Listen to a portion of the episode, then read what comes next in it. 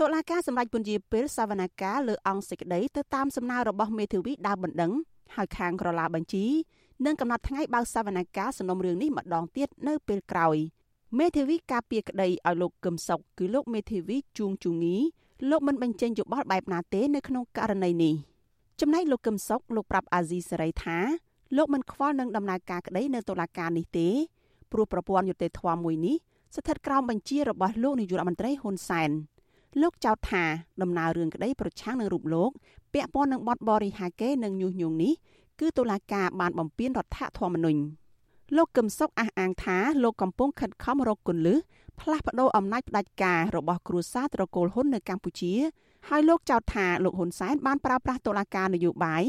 ដើម្បីព្យាយាមបំបិតសិទ្ធិតស៊ូមតិរបស់លោកនៅកម្ពុជា ហើយតុលាការដែលស្ថិតនៅក្រោមអធិបុលនយោបាយនេះដំណើរការរឿងក្តីរបស់លោកមិនផ្អែកលើមូលដ្ឋានអង្គហេតុអង្គច្បាប់ និងភ័ស្តុតាងទេ គឺធ្វើតាមមាត់របស់លោកហ៊ុនសែនសុទ្ធសាធជារឿងគួរឲ្យអស់សំណើចបំផុតឋានៈកម្ពូល2របស់លោកហ៊ុនសែនគាត់ប្រើប្តឹងខ្ញុំទាំងពីរបណ្ដឹងទី1ដែលកាត់បង្ខំឲ្យខ្ញុំជាប់គុកយ៉ាងអយុត្តិធម៌18ខែលោកហ៊ុនសែនប្រើឋានៈរបស់គាត់ជាប្រធានគណៈបកប្រជាជនកម្ពុជា និងបណ្ដឹងទី2ដែលក៏ហៅខ្ញុំនៅពេលនេះគឺលោកហ៊ុនសែនប្រើតំណែងគាត់ជានាយករដ្ឋមន្ត្រីសម្រាប់ខ្ញុំច្បាស់ណាស់នេះគឺជាតុលាការនយោបាយ តំណាងអัยការអមសាលាដំបងរាជធានីភ្នំពេញលោកសិទ្ធវណ្ណៈបានចេញដីកាកោះហៅលោកកឹមសុខកាលពីខែវិច្ឆិកាឆ្នាំ2020ពីបទបរិហាកេជាសាធារណៈនិងញុះញង់បង្កឲ្យមានភាពវឹកវរធ្ងន់ធ្ងរដល់សន្តិសុខសង្គមពាក់ព័ន្ធនឹងការលើកឡើងកាលពីឆ្នាំ2017ថារដ្ឋាភិបាល បានបង្កើតប្រព័ន្ធសម្លាប់មនុស្សហើយរកឃាតករមិនឃើញក្នុងសំណុំរឿងឃាតកម្មបណ្ឌិតកែមលី អាស៊ីសេរីមិនអាចសុំការបញ្ជាក់បន្ថែមពីអ្នកនាំពាក្យតំណាងអัยការលោកគុជកំឡុងនិងអ្នកនាំពាក្យសាលាដំបងរាជធានីភ្នំពេញលោកអ៊ីរិនបានទេ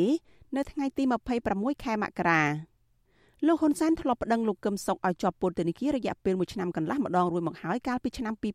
2017ក្នុងសំណុំរឿងបរិហាកេនិងញុះញង់ឲ្យប្រព្រឹត្តបទឧក្រិដ្ឋជាអាតពាក់ព័ន្ធនឹងការថ្លែងរបស់លោកកឹមសុខថាគណៈបកកាន់អំណាចនៅពីក្រោយសំណុំរឿងឃាតកម្មបណ្ឌិតកែមលី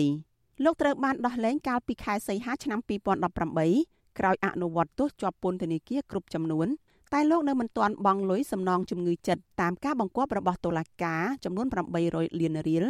ឬស្មើប្រមាណ2សែនដុល្លារឲ្យទៅលោកហ៊ុនសែនទេលោកហ៊ុនសែនក៏ធ្លាប់ប្រមានចាប់លោកកឹមសុខដាក់ពន្ធនាគារឡើងវិញដែរប្រសិនបើអ្នកវិភាគរូបនេះមិនព្រមបញ្ឈប់ការរិះគន់របបដឹកនាំរបស់លោកអ្នកនាំពាក្យសមាគមការពារសិទ្ធិមនុស្សអាត់ហុកលោកសឹងសែនករណាយល់ថា បទចោតប្រកាន់ថ្មីទាំងពីរនេះមិនឆ្លុះបញ្ចាំងពីការប្រព្រឹត្តរបស់លោកកឹមសុខទេដោយសារអ្នកវិភាគរូបនេះបានប្រើប្រាស់សិទ្ធិសម្ដែងមតិក្នុងនាមជាពលរដ្ឋអ្នកខ្លំមើលសិទ្ធិមនុស្សរូបនេះជំរុញឲ្យតុលាការទម្លាក់ចោលបទចោតលោកបន្តថាបើតុលាការបន្តនីតិវិធីនឹងមិនអាចផ្ដល់យុត្តិធម៌បានទេព្រោះភាគីម្ខាងទៀតគឺលោកកឹមសុខមិនអាចចូលរួមសវនកម្មបាន។ វាជានីតិវិធីជាការសម្រេចរបស់តុលាការនៅក្រណាដំណើររឿងនេះយើងឃើញលោកកឹមសុខមិនមានវត្តមាននៅក្នុងស្រុកទេគឺលោកបានចេញទៅប្រទេសទី2ទី3ទៅហើយណាបាទអញ្ចឹងដំណើរការនីតិវិធីហើយបើសិនជាមិនមានភាគីពាក់ព័ន្ធចូលរួមដេញដោលឲ្យបានគ្រប់ជ្រុងជ្រោយទេការរកនៅយុត្តិធម៌នៅក្នុងរឿងហ្នឹងវាមិនអាចឆ្លុះបញ្ចាំងពីភាពត្រឹមត្រូវក្នុងការអនុវត្តនីតិវិធីទេទោះជាយ៉ាងណាលោកកឹមសុខអះអាងថា លោកមានបំណងចង់តតាំងរឿងក្តីនេះក្នុងតុលាការលោកអះអាងថាលោកនឹងវិលត្រឡប់ចូលប្រទេសវិញបើរបបក្រុងភ្នំពេញបើកផ្លូវឲ្យលោកបានចូលទៅតតាំងក្តីនាងខ្ញុំសុជីវីអាស៊ីសេរីរាយការណ៍ពីរដ្ឋធានី Washington